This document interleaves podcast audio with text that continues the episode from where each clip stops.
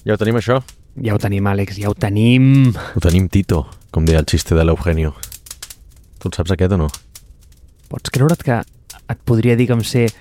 O jo pensava que em sabia tots els xistes de l'Eugenio, però el del Tito no el tinc clar. És el de, el de l'examen, que estan fent l'examen de les parts de, de l'orella i, i li diu una a l'altra, o sigui, el que no, no sap, que ja diu, el de la, de la taula del darrere, diu Tito, digue'm les parts de l'orella, saps? Perquè estem preguntant les parts, les parts que hi ha per dins de l'orella, no? I li comença a dir, li comença a dir les parts, i diu, això, tio, jo què sé, rotllo, és que no, no me'n recordo què, és, però què sé, el martell, saps? Diu, el martell, diu, el martell, diu, això ho tenim a l'orella, diu, ho tenim, Tito, ho tenim. I llavors comença així tota l'estona. Li va preguntant parts i l'altra tota l'estona li contesta, ho tenim, Tito, ho tenim. És boníssim aquest episodi, ai, aquest xiste, però no, no sóc bo explicant acudits i, i no l'explicaré, no us el revelaré. És un dels millors, pitjors acudits de l'Eugenio, així que ja està. Però ara, ara tinc la, tenim la costum a casa de, de dir ho tenim, Tito. Qualsevol cosa que és ho tenim, sempre és ho tenim, Tito. Ja està. Tio, jo de l'examen pensava que era aquell de, del Basalto. Saps quin és aquell o no? Hòstia, no, doncs no sé quin és el del Basalto. És que en té tants, aquest home. És que jo me'n recordo que els escoltava al cotxe amb un casset. O sigui, tenia com un casset i jo els tenia com gravats i... Déu meu, quan recordes que feies servir cassets, t'estàs infligint molt dolor dient a tu mateix que t'estàs fent molt gran. Bueno, és que de, de fet ara llegia un tuit que posava diu, estimat millennial que vas néixer abans de l'any 2000 diu, ja no ets jove. El teu fill s'acaba de graduar de la uni saps? Dir... sí. És duríssim. Però bueno, sí, sí, te, te n'adones de te n'adones d'aquestes coses, tio. És com, el, com quan veus els, els, els dissenys dels, com es deien, els Teenage Engineering, aquells, que dius, hòstia, quines coses més ben parides. I dius, però si jo aquest article, un article similar jo el tenia, saps, als anys 90, vull dir, aquesta puta calculadora, o aquesta una consola d'aquestes plegables, que tenia només un, un videojoc del Donkey Kong de l'any de la Kika, sí, sí, jo tenia aquestes coses i, i deies, que ben parits que estaven aquests dissenys. No, en el moment eren cutres, tio, el que passa que ara es veuen, com que es veuen retro, doncs es veuen bé, saps? Però bueno, en fi, no veníem a parlar d'això, Marc, veníem a rajar avui. Veníem a fer, no denúncia ciutadana, veníem a fer denúncia, no sé si startupil o què, o denúncia de negocis, val? Ho dic perquè s'acosta el Mobile World Congress, s'acosta el Four Years From Now, i el, el, la quantitat de bullshit a l'aire, la concentració de bullshit a l'aire, més pel Four Years From Now que pel, pel mobile, s'està augmentant expone, exponencialment. És igual que les reserves de cocaïna a Barcelona s'augmenten exponencialment quan s'acosta al, al, For- al, al Mobile World Congress, no? Per tant, doncs volia, volia venir a parlar de paraules bullshit que hi ha dins de l'ecosistema i com passen de moda. Val? O sigui, és curiós quan hi ha certes paraules, com per exemple la clàssica expressió d'afegir valor, val? com comencen a aparèixer en l'ecosistema de cop i volta tothom les adopta i acaben desapareixent. Val? O sigui, quan et dic paraules bullshit o expressions bullshit dins de ecosistema emprenedor barra tecnològic, quines et venen al cap, Marc? Anem-les a disseccionar. Vale, ara et contesto, vale? però és que crec que vens amb moltes ganes de fer aquest episodi, però a mi m'estaria bé que se'm donés una mica més de preparació addicional. Què va, què va? Perquè la gent tingui una mica de context, a mi se'm diu Marc, vull parlar de valor. I, vale, jo penso, bueno, em vaig a preparar que valor, clar, eh, sabent per on pot sortir, però és que a sobre, que no, no, no ho estic llegint, però estic parafrasejant, em diu, preparat per hackejar-ho en l'últim moment. I jo, home, evidentment, vull dir, això ja vinc preparat de casa per això. perquè això és la, és la vida de foc a terra, no? Dir, tot, vi, vivim d'això, bàsicament. Però jo, jo el que detecto, ara et contesto, eh? ara et contesto el, el, totes les paraules bullshit de l'ecosistema o que, que a mi em venen al cap, però tio, et veig eh, amb, amb ganes de, de passar la llima, eh? Inclús ahir i em vas fer digitalment molta gràcia amb el tema dels esmorzars. Jo, abans que comencis, vull saber ahir on estaves esmorzant. Ahir on estava esmorzant? Doncs pues vaig a mirar el calendar, tio, perquè a més ahir vaig tenir un dia horrible de 50.000 reunions, però ara vaig anar amb dos taxistes suïcides i mira, no m'he marejat mai. Mira, jo vaig créixer enganxat a una Game Boy, val? He treballat en un cotxe 8 hores anant de Regensburg a Aachen, Alemanya, o sigui, creuant tot el puto país sense parar. Jo no em mereixo els cotxes, tio. Ahir em vaig marejar, marejar amb un taxi tornant de l'hotel Esperia Tower de les portes de Barcelona cap a, cap a casa meva un taxista que li vaig a dir, sisplau, pots parar? O sigui, pots no anar tan ràpid? Estava fent un Need for Speed, saps? Dir, no, no em vaig fixar si el conductor era Vin Diesel o qui collons era, però li vaig haver de demanar, sisplau, que, que, que afluixés la marxa perquè s'estava passant, vull dir, estava fent una conducció hipertemerària.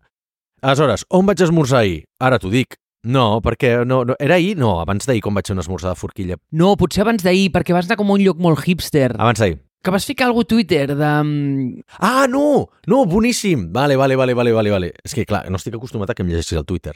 Estava, val, ahir, A veure, espera, Àlex, és que jo, jo és que sóc humà, vale? Sóc humà i hi havia un moment que m'estava avorrint. Jo generalment no cometo aquests crims de, de comissió d'anar directament a, a, a veure les xarxes digitals, però no sé, m'estava avorrint i vaig dir, "Ah, saps què, va? Em, em vaig tirar una mica al Reddit, no? I eh, se'm va acabar el contingut i vaig dir, eh, va, pues una mica més, va, i em vaig tirar al Twitter. I vaig veure't i em vaig fer, em vas fer gràcia, filla, em vas fer gràcia. estava entre reunions, em vaig ficar en un, en un puesto a fer, bueno, el típic a treballar per allà, val? estava per la zona Sagrada Família i és molt difícil trobar llocs decents. Però mirant Google Maps, no sé per què, vaig veure un- un lloc que està al costat de la meva antiga casa i que tenia un 4,9. I dic, no pot ser. Dic, però si aquí tots són llocs de merda orientats a turistes i realment hi ha molt poca cosa bona per aquella zona. I dic, ja veuràs que això és el típic lloc que està inflat a, a turistades, no? I l'havia vist algun cop, però mai m'hi havia, mai havia entrat, val? Com es diu el lloc? És que el lloc es diu com la papeta o algo així, vale? que és, havia estat de vermuteria i evidentment és el típic lloc que, que, que tu entres i, i no hi ha res en català, o sigui, ni al menú en català, ni, ni contesten en català, ni aquest tipus de coses, no? Amb prou feines l'entenen. Però bueno, això ja és una, un, un debat per un altre dia. Però em vaig ficar allà i vaig dir, mira, saps què? Dic, pues, jalaré alguna cosa d'aquí, mm, treballaré, perquè dic, ja que estic i ja em conec tots els llocs de la zona, dic, vaig ficar-me aquest que més el vaig veure buit. I vaig dir, joder, si és tan bo perquè és buit. És veritat que eren les 11 del matí, que clar, no era hora de dinar encara. Entro, em demano un cafetó, em demano alguna coseta per esmorzar i un esmorzar tard i veig que entra un paio eh, acompanyat i que evidentment doncs, tenien com una, una, una cita amb el local, val? i vaig, vaig pensar que seria rotllo un periodista o jo em vaig ensumar que seria un influencer de menjar. I, evidentment, no? I allò, clar, jo estava treballant i veig que comencen a demanar-se moltes coses, val? però moltes. Diu, sí, també volem això i volem... Sí, com un menjar molt bullshit, recomano que aneu al, al, al meu fil de Twitter, ho explico amb, amb una miqueta més detalls, però clar, o sigui, jo ja no volia, eh? no volia ficar-me en aquella conversa, però la veritat és que estava sentint i sentia una quantitat de bullshit al·lucinant. No sé si això m'ha inspirat en l'episodi aquest, però jo ja venia eh, amb la idea de fer aquest episodi. Però tu ja veies que dius, primer, el paio, de mane maneres com força condescendents, amb la, amb, tant amb la cambrera com la- l'assistent la, que portava, no? Després, unes, unes coses raríssimes, tal qual els van portar el menjar al tio olorant les olives, tio, si jo vaig flipar. Olorant les olives, agafant els plats, mirant-los per tots cantons, portava la, com es diu, la llanterna aquesta per enfocar les coses amb el mòbil i poder gravar, fer 25 tomes de cada vídeo d'ell menja- menjant-se les coses amb cares estranyes. És que igual és un Instagramer molt famós, jo no tinc ni idea perquè no, no freqüento aquest tipus de contingut, però, però em va fer molta gràcia poder-ho veure en directe, perquè clar, va venir a les 11, que segurament és l'hora que, que no hi ha encara ningú dinant, con lo qual doncs, els hi poden donar un servei doncs, una miqueta més premium, i deu, deuen fer aquest tipus de coses. Potser, com que és famós, deu ser una persona que ha d'anar a dinar als puestos a les 11, perquè és que si no, no, no el deixarien tranquil. No sé, a mi em va donar la impressió que era una persona com bastant coneguda, perquè em sonava molt la seva cara, però no tinc ni idea. I hi havia coses rocambolesques, us diu, agafant els plats mirant-los per sota com si tingués rajos X i pogués veure a través de la ceràmica i després menjant coses tot molt mesclat, no? O sigui, el tataki de tonyina, després agafar unes, unes braves i un no sé què, i tot com tot mesclat, no tenia cap puto sentit. Dic, jo no em fiaria d'una persona que demana, primer, totes aquestes coses, i segon, que, que s'ho menja a la vegada, saps? I anar agafant una cullerada de cada cosa, i dius, tu estàs mesclant tot, tio. Vull dir, és que no té cap puto sentit, no té cap tipus d'ordre. O sigui, amb quin criteri estàs menjant això i podràs dir que el menjar és bo? Segurament és bo, però és que tens tota la boca ja contaminada tots els sabors. Val? O sigui, no pot ser que et posin a menjar mm, l'amanida de no sé què, no sé quantos, després d'haver fet la, la carne mechada, co- que és superintensa, el, el, amb un condiment de vi, no sé quanto, és que realment no, o sigui, jo no, m'estava explotant el cap. I vaig veure tot allò en directe i ho vaig trobar esperpèntic, la veritat, o sigui, recomano que mireu el, el fil de Twitter i després jo el menjar que vaig demanar era boníssim, eh? o sigui, vaig dir, hòstia, he de repetir aquell lloc perquè realment és molt bo el menjar. I em va sorprendre, vaig dir, hòstia, finalment una cosa de qualitat a prop de Sagrada Família, però bueno, en fi. Dit això, i parlant de bullshit, tio, et preguntava expressions per 20 cèntims, com es feien els concursos de, els concursos d'antes, no? Por 20 cèntimos o por 20 pesetes.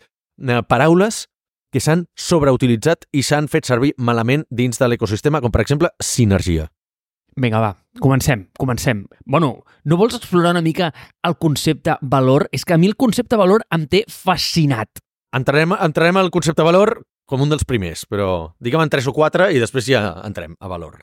Vinga, doncs número 1, en el millor dels millors, disruptir o disrupció, eh, volem disruptar el mercat. A mi això em sembla... bueno, seguim, seguim. Després, el nostre equip és únicament qualificat, rotllo, és aquelles persones que les vas posar en el món per solventar aquell problema. També tinc alguns problemes amb ell. A veure, per exemple... No, ja està. No, no, no. Tinc el millor. Bueno, és que igual no és el millor, és que hi ha molts, però... El de aquest producte està contribuint a fer un món millor. Val. A mi aquest em fa mal, perquè no és veritat. És rotundament fals. Estic segur que qui ha articulat aquesta paraula per voler explicar la seva companyia, segur que la seva companyia està fent un món pitjor. Uh, després també el de um, fail fast, fail often, saps? Que M'encanta. mític eufemisme que va dir una persona i que... Està bé, eh? Està bé, està bé. A veure, deixem pensar més, a veure, deixem pensar més... Si vols, comencem amb aquests, però... I entrem al tema de valor. I per què he escollit valor en concret. Espera, espera, espera, espera, tinc un, tinc un, tinc un. Dispara. El de l'Airbnb. Soc com l'Airbnb per fer botelles de plàstic, saps? Que no. Dius, o sigui, no ets Airbnb per res. Aquest. Vale. Vale. A veure, t'explicaré per què he agafat valor, perquè valor és la típica que es va posar de moda fa uns anys i ja ha passat de moda i ja no la diu absolutament ningú. Val? O sigui, jo el que volia venir a dir amb, amb anem, a, anem a disruptar, disrompir, disrompre l'expressió d'afegir valor, perquè és d'aquelles coses que veus que de cop i volta tothom les comença a dir, no saps exactament què signifiquen, veus que tothom les diu sense saber exactament què signifiquen, les adoptes, les dius sense saber exactament què signifiquen, i de cop i volta desapareixen i dius, hòstia, fa un any que no sento ningú dir afegir valor. Com ha passat això? Per què han aparegut altres paraules de merda? Val? La que està molt de moda avui en dia és momentum. Val? La gent que diu aprofitar el momentum, però que s'equivoquen perquè realment momentum vol dir inèrcia. Però no sé si és a Barcelona, no sé si és a Espanya, no sé si és a Europa. Jo diria que és una cosa de, de català i que la gent està dient momentum per dir un moment especial. ¿Vale? Diuen, no, porque en este momentum es que ahora tenemos que esta semana o este año es el momentum de no sé què. Dius, no, no, no, no. Momentum és inèrcia. És la paraula llatina científica per dir inèrcia. Per tant, aquesta la, la traiem, però l'estic sentint moltíssim, val? Re, volia rajar d'aquesta. De totes les que has dit, val? Si vols faig una miqueta un, un 1 per 1 i acabem amb valor, perquè en valor farem tot l'anàlisi i també crec que és de les més interessants. És, trobo molt interessant que hagis dit disruptar, perquè disruptar, disrompre, disrompir, no sé, és una paraula que si amb tots els anys que portem parlant de disrupció i tot això no m'ha après a conjugar-la, probablement és que no l'hem entès, val? o sigui, no aniré molt més lluny de dir d'aquesta aportació. Val? És veritat, encara es fa servir, però és veritat que es fa servir més poc. És, em, també em fa, em fa recordar quan tampoc ens vam posar d'acord en dir si era en castellà era el emprendimiento, la emprendeduria o no sé, saps? Només els faltava dir la, la imprendició. Aquesta és una que també és molt bullshit, ¿vale? Què més? Tu has dit la de com la missió, no? Solventar aquest problema. No la tenia categoritzada com una expressió bullshit, però, però bueno, passaria. Les altres que has dit són meravelloses, val? Jo portava sinergia. O sigui, sinergia és, o sinergia, no sé ni si es pronuncia sinergia o sinergia, no? Eh, crec que són sin sinergia. Sinergia és sinònim de, eh, de projecte estratègic, val? de partnership, de col·laboració. Val? És a dir, sinergia generalment vol dir no et pagaré ni un puto duro. Val? És com l'eufemisme per... Ja més, jo porto anys menjant-me aquesta paraula, però és veritat que fa molts anys que ha desaparegut, val? però aquesta està molt de moda.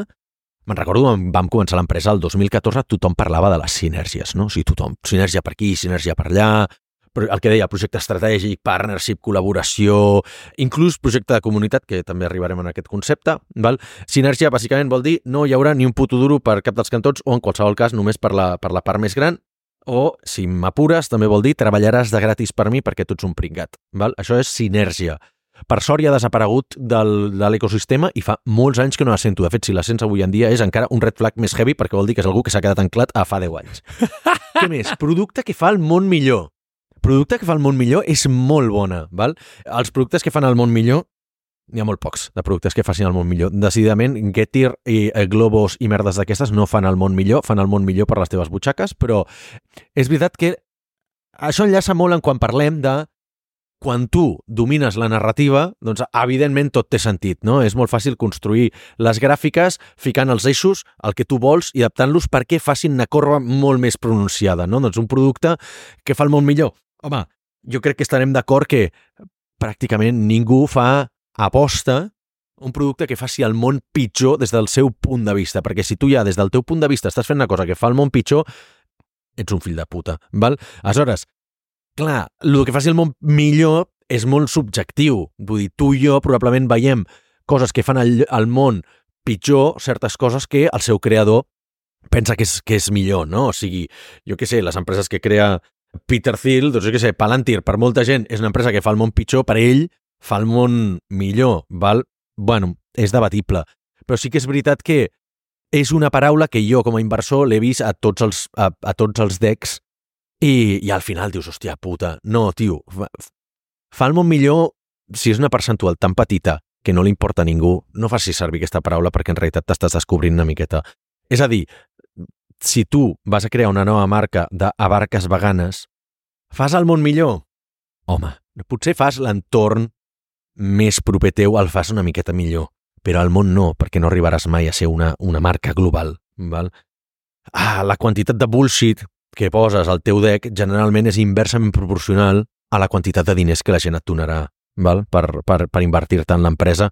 Per tant, eliminar coses com les que ja hem mencionat, com disruptar, disrompre, solventar aquest problema, el, el producte fa el món millor, elimina-les de, la, de, de, de la teva proposta d'inversió i, i en parlem. I de fet aquí enllaço, em salto una, eh? em salto el fail fast, fail often, amb el soc l'Airbnb de, X o, comúment també acceptat, el soc l'Uber de, de X. No? És a dir, soc l'Uber de, o soc l'Airbnb de l'educació, soc l'Airbnb dels taxis, soc l'Airbnb de el lloguer de guitarres. Bueno, a veure, això és analogia, val? o sigui, explicar les coses per similitud és una manera més fàcil de fer-ho. El que passa que, generalment, has de tenir en compte que no estàs tenint en compte les, les dimensions de la, de la cosa amb la que t'estàs comparant. Aleshores, per fer-ho servir bé, Uber podria dir soc l'Airbnb, o bueno, Airbnb era com l'Uber de l'hospitalitat, val? Estan en una mateixa categoria d'empresa, de tamany, de sector, de moment, no momentum, que poden fer-ho servir, però tu, hòstia, que acabes de, de, de crear una empresa d'economia col·laborativa d'anar a passejar gossos, val? hòstia, explicar les coses com soc l'Airbnb de, de no sé què i tens realment tres persones que estan, o 15, al, al teu grup de Facebook, no, tio, tens un grup de Facebook amb 15 persones, no ets un Airbnb, val? Aleshores, que podrà ser-ho?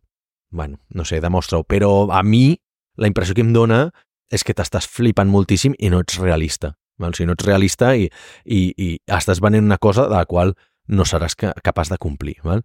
I l'altra, l'última, que has dit tu, i ara estic, sé que estic fotent una xapa molt, molt heavy, però és la del fail fast, fail often. Vale? Aquesta obra una categoria sencera, però que es pot resumir amb el següent.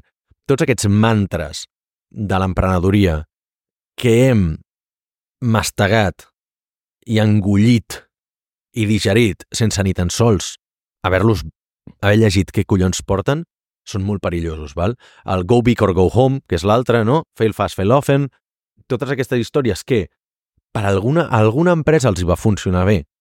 I aleshores tu penses que, de cop i volta, doncs val per tothom.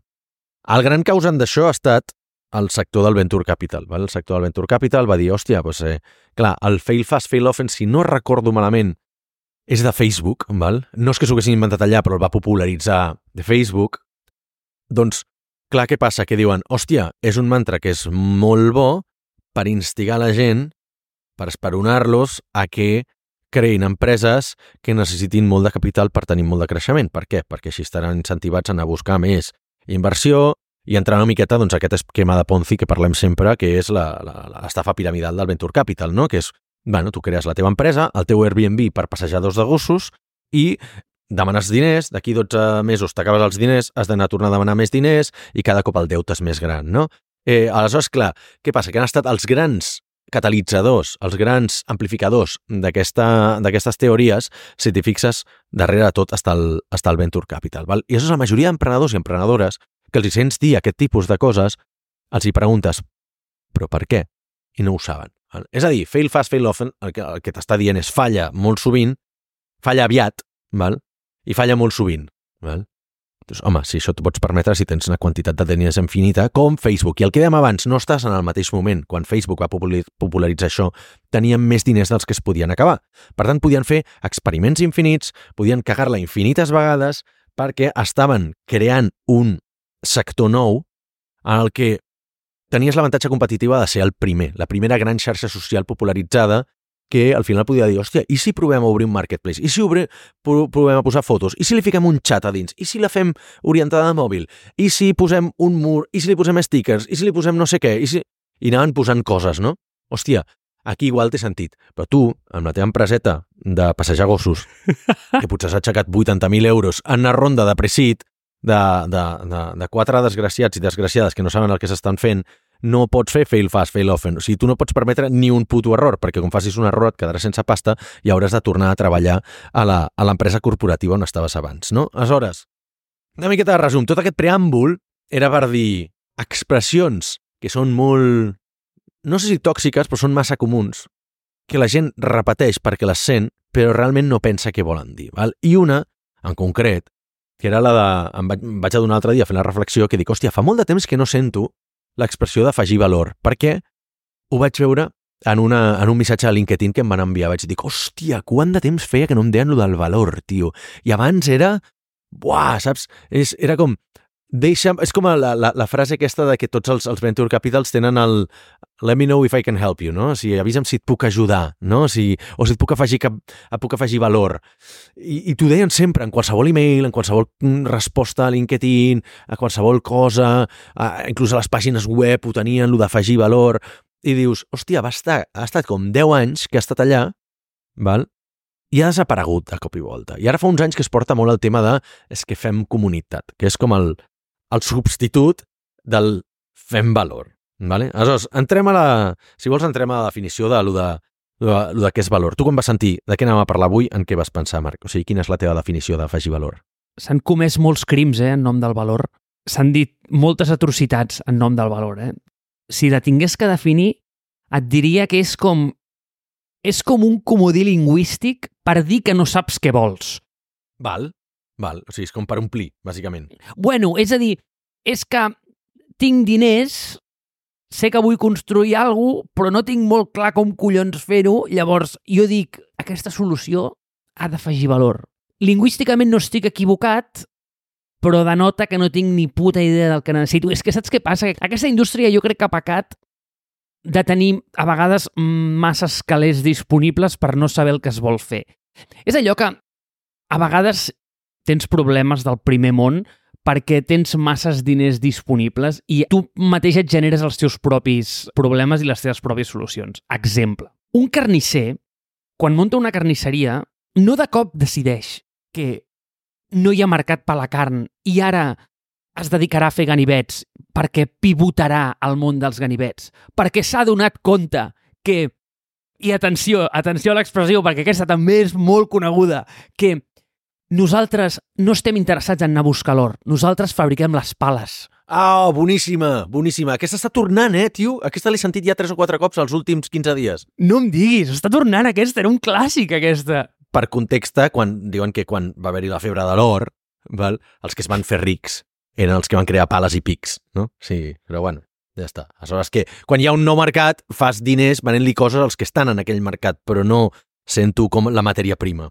Però jo no recordo mai a la història cap venedor de ganivets que hagués començat com un carnisser. És a dir, el carnisser mai es va donar compte que la gent no li comprava carn i va dir he de pivotar al món dels ganivets perquè jo no sóc el que vol vendre la carn, sinó sóc el que farà literalment les pales, que al final doncs, eh, són els ganivets. A veure, el, el tema de l'or, les pales i el pivotatge és un eufemisme molt gran per dir he aixecat el que tu deies, eh? 100.000 euros del tiet, la tieta i dos amics els que he enganyat, encara me'n queden 50.000 en lloc de tornar els altres 50.000 i fer-los el favor de no perdre-ho tot, mira, saps què? Seguiré jugant amb els seus diners, val? i em muntaré un negoci absolutament nou del que no tinc ni puta idea i miraré a veure què surt. Llavors, en lloc de ser honest i dir, mira, he fracassat, em sap greu, aquí tens 50.000 euros perquè no ho perdis tot, doncs, mira, se seguiré jugant amb aquests diners perquè igual surt el 36 a la ruleta.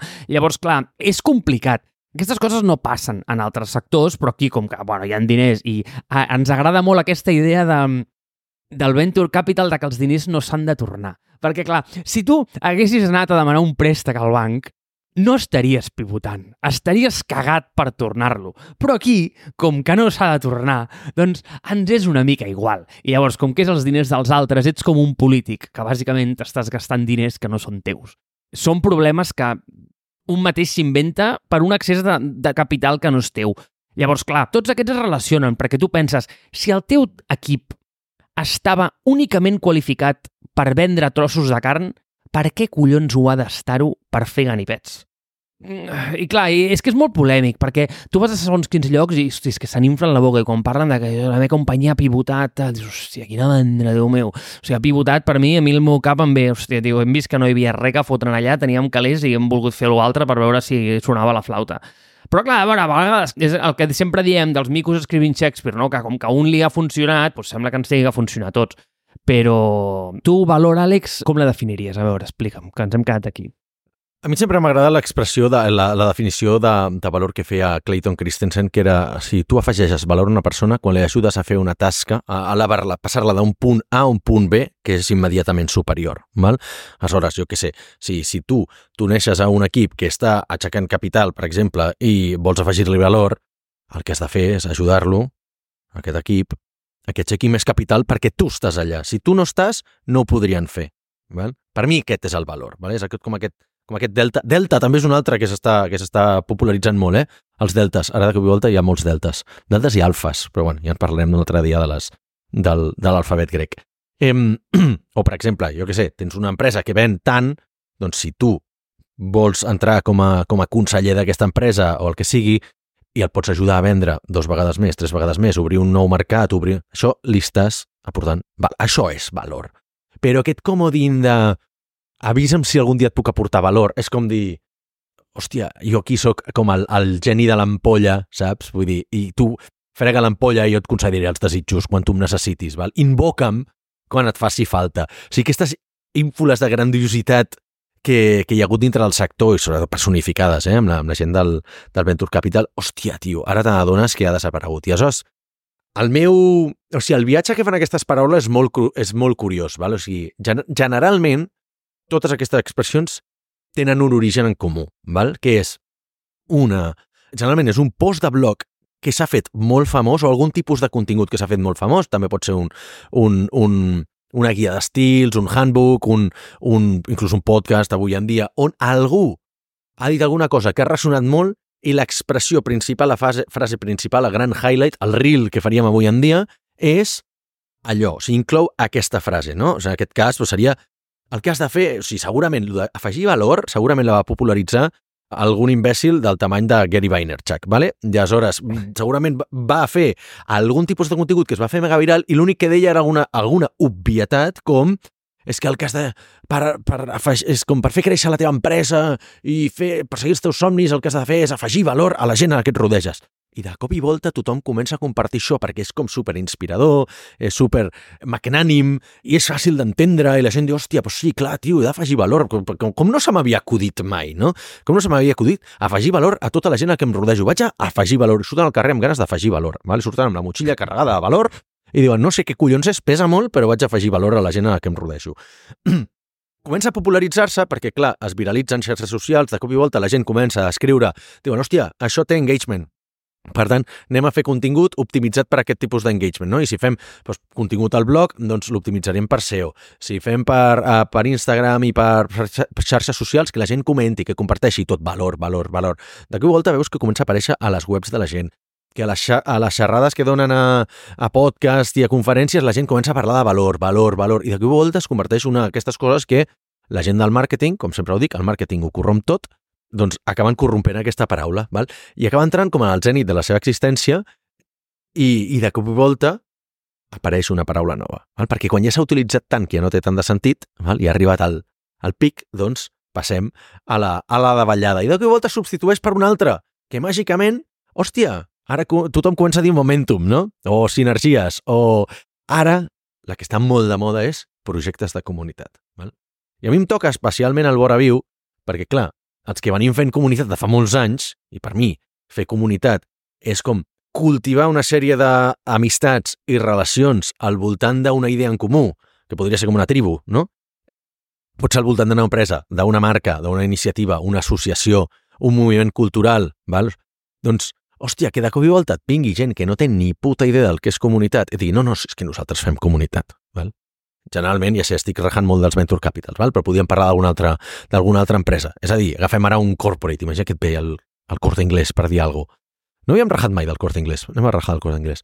Però que et digui, no, no, és que nosaltres som una empresa orientada a la comunitat. Sí, pots definir qui és la teva comunitat? Sí, generalment, si els hi fas aquesta pregunta, no la saben, saps? I llavors pensen que, sí, home, la gent que compra el corte inglès, dius, tu saps qui són perquè tens dades d'aquesta gent, però et comuniques freqüentment amb ells, fas entrevistes amb aquesta gent, vas a trobar-los en persona, fas trobades perquè ells es coneguin entre ells, val? fas contingut específic per a ells, fas comunicacions només per a ells, més enllà de les merdes de màrqueting que els hi vulguis vendre, si no dius que sí a totes aquestes coses, no estàs fent comunitat. Val? I ara, de cop i volta, és comunitat.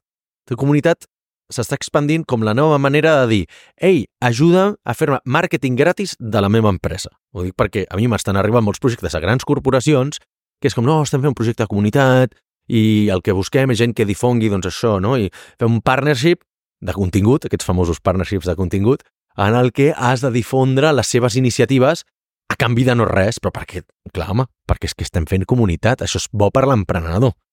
I t'estan venent el cuento, la milonga, de que és molt bo per l'emprenedor i l'emprenedora, les noves startups, quan en realitat el, el benefici és clarament per ells, l'haurien d'estar pagant, però eviten la conversa de la transacció perquè és un projecte de comunitat, no em voldràs cobrar per una cosa de comunitat, que és una cosa que faig altruísticament. De cop i volta, sóc una ONG, saps? Sóc una non-profit. Quan darrere mires les empreses que hi ha i dius me cago en Déu. O sigui, s'ha de ser cabron per tenir els beneficis que tens. Ets una empresa de l'IBEX i estàs dient que vols que jo et faci difusió gratuïta de les teves coses.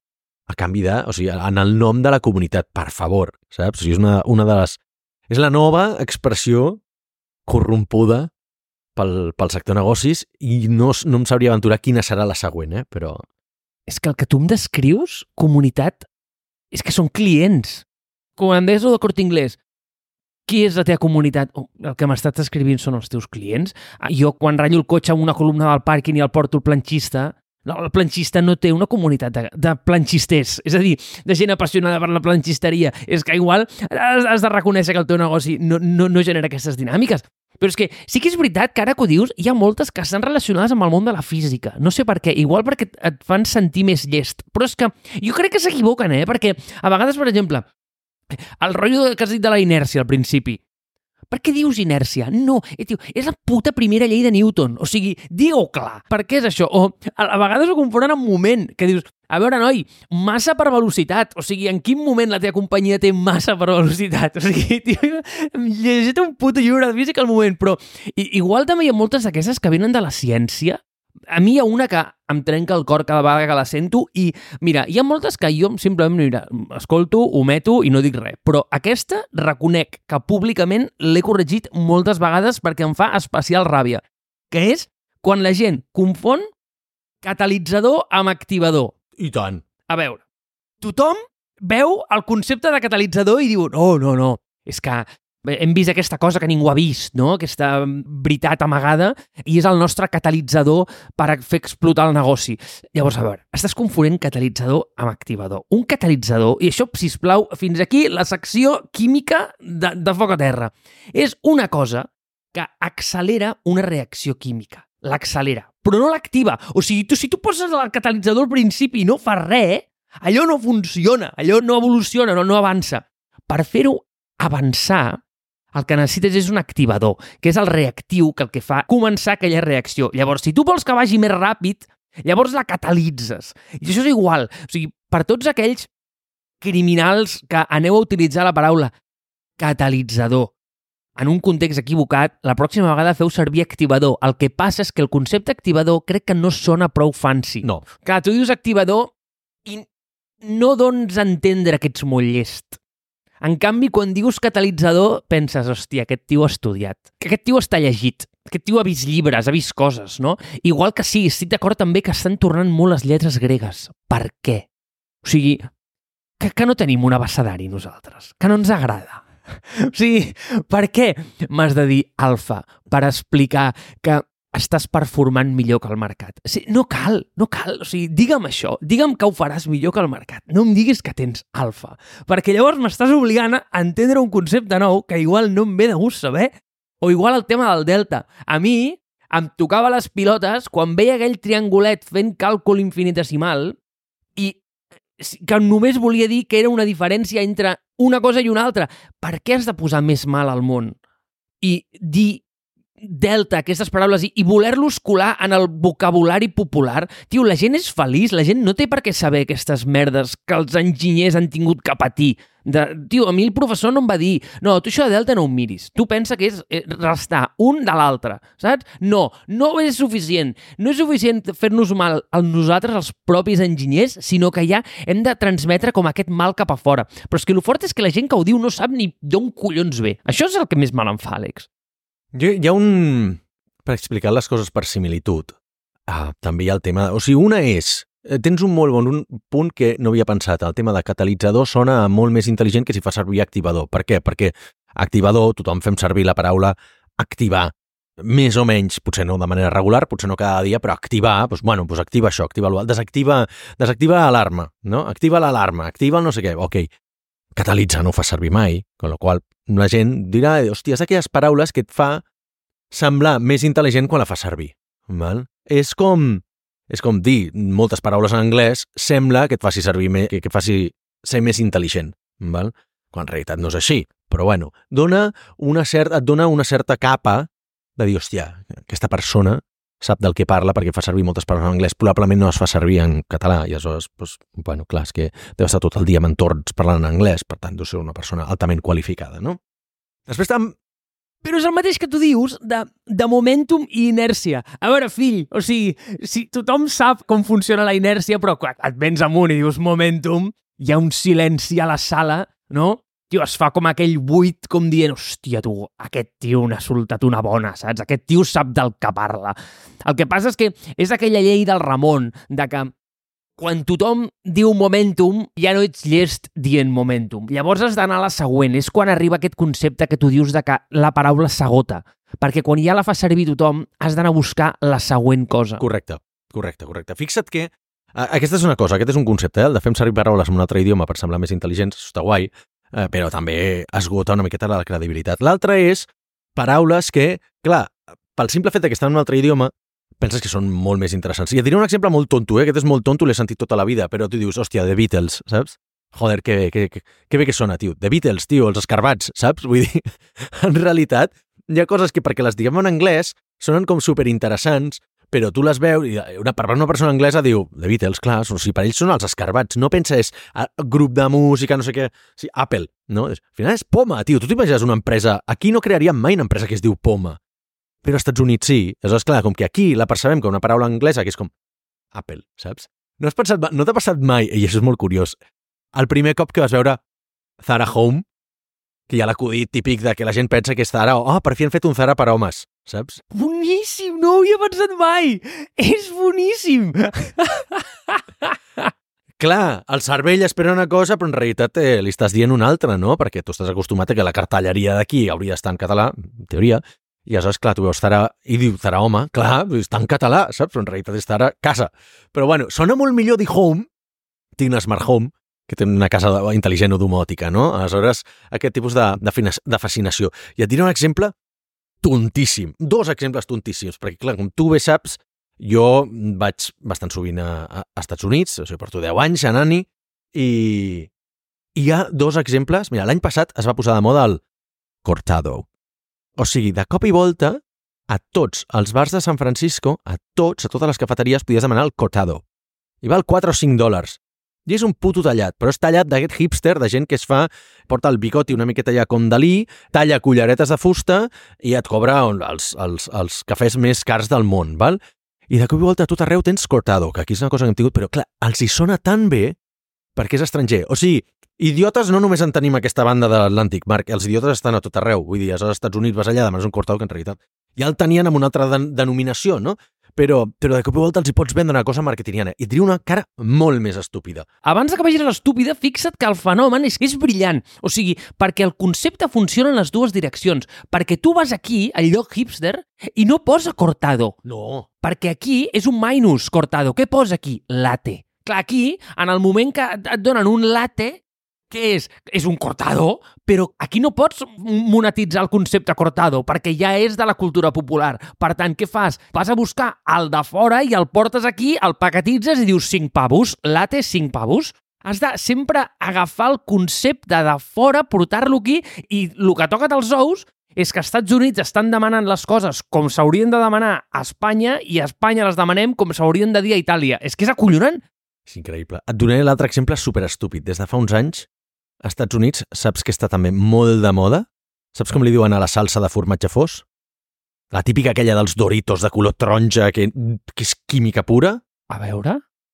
Queso. Si tu demanes qualsevol cosa amb queso, i és salsa de formatge d'aquella hiperquímica, eh? o formatge fos, però, però, i, però allà és queso. I a tot arreu, a tot arreu, entrepada no sé què, with queso. Queso hamburguesa de no sé què amb queso. El McDonald's ha tret la seva hamburguesa de no sé què amb queso. Els Doritos tenen un que ja venen amb la salsa preparada no sé què, queso. Queso, tio, estàs al punt de forma... O sigui, sé que són exemples molt banals, però al final t'ajuda a explicar que, que el màrqueting ajuda a corrompre conceptes que segurament tenien un sentit, tenien un valor, val? avui que parlem de valor, però com pots torçar una cosa que té un valor intrínsec i pel, només pensant en el benefici, no? només pensant en que la gent és mig idiota, per no ser massa generós amb aquest tema, pots explotar-ho d'una manera fent-los dir, escolta, tu el que coneixies com a tal cosa ja no es diu així. Es diu d'una altra manera. Ja li donarem aquest nom, que és com se li diu en un altre idioma, i tu pagaràs el doble. Per això que és exactament el mateix probablement és més nociu per la teva salut i la societat que t'envolta. És a dir, t'estan traient el valor, estan restant valor, val? perquè, joder, tio, et portin un puto cortado als Estats Units, que ja és una cosa, que podries portar-la al mateix preu d'Espanya i llavors generaries un valor de la hòstia. Perquè diries, vale, hòstia, és un tallat com el que es fa a qualsevol bar d'Espanya i el poses allà i amb el seu tal i com és, perquè ni tan sols te'l presenten tal i com és, ni tan sols és un tallat com els que es fan aquí, val?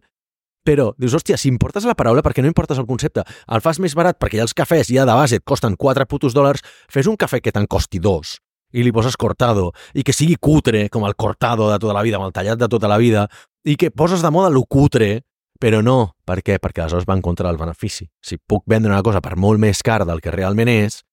Hòstia, però clar, jo crec que és una estratègia curtplacista, perquè fent-ho de, de la manera de li poso cortado al venc als llocs d'especialitat i el cobro a un, a un preu premium i no sé què, jo crec que és una, una, una, una estratègia molt curtplacista que de cop i volta durant uns anys estarà molt de moda, faràs, molt, faràs molts milions, però de cop i volta serà reemplaçat per la següent cosa perquè no acabarà de solidificar-se i consolidar-se en la cultura popular d'aquell lloc. En canvi, si anessis avançant a llarg plaç, és molt més senzill crear una cosa que sigui molt més accessible per tothom, probablement és menys marketingiana, però que és molt més convenient i que no sigui subjecte a ser reemplaçada per la següent cosa que estigui de moda, com ara el puto bubble tea que està per tot arreu, saps? fent una mica d'ús dels conceptes d'aquests buzzword que han de fer aquestes coses. Tu pensa, tu tens eh, un model mental que està anclat a un concepte. És a dir, tu quan penses en un cortado, què penses? En una cosa cutre, no? Mm, És com una cosa, a veure, mm, cony, és espanyola, o sigui, ho hem fet nosaltres, vull dir, no, no, no pot ser brillant, val? Vull dir, no, està molt bé, Bueno, t'has fet un menú, un menú de 10 euros i de postre t'has menjat una pinya congelada d'aquella, un gelat de pinya congelada, i de, i de part et demanes un tallat. I ja està, ja ho has fet menú de... abraces una mica la teva realitat, però clar, quin problema hi ha? Que el, el model mental del cortado està anclat a una cosa que no és altament monetitzable. Per què no li pots posar un preu molt elevat? Perquè tots sabem el que és, tots sabem que és una puta merda i ningú és tonto per pagar un molt per una puta merda. Llavors, aquests conceptes marketingians que intenten, i ara sí que faig servir el buzzword, és que intenten fer aquest move up market, no? Intenten com moure el techo cap a dalt i què fan? Han de buscar un concepte nou per omplir aquell buit de mercat que hi ha cap a sobre. Llavors, què et diuen? No, no, no, no. És que ara, el cortado, això era abans, això era cutre, això era per l'Espanya del postfranquisme.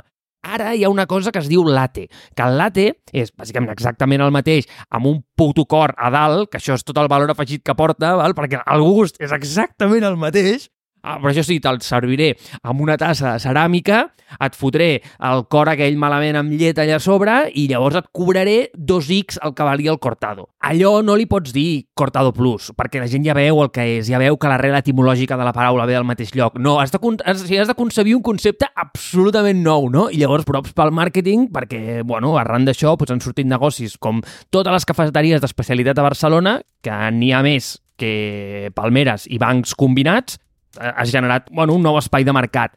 Llavors, jo el que donaria, i, i sí que m'agradaria, és veure com i tenim paraules úniques d'aquí, nostres, que ens han fet qui som i que són part de la nostra cultura, que no tenen traducció a altres llengües, i les explotéssim una mica més, no? I, i, i veig que no ho estem fent. Però, per exemple, aquí què sabem fer molt bé? Doncs pues mira, la sobretaula. El concepte de sobretaula no està prou explotat. No sé per què m'ha vingut al cap, val? però tu fixa't, jo penso en sobretaula i no em ve res en anglès. No hi ha concepte sobretaula en anglès.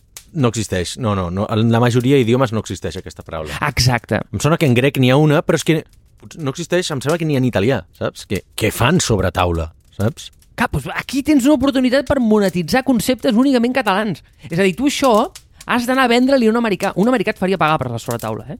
O sigui, tu pagaries eh, primer, segon, postre i sobretaula.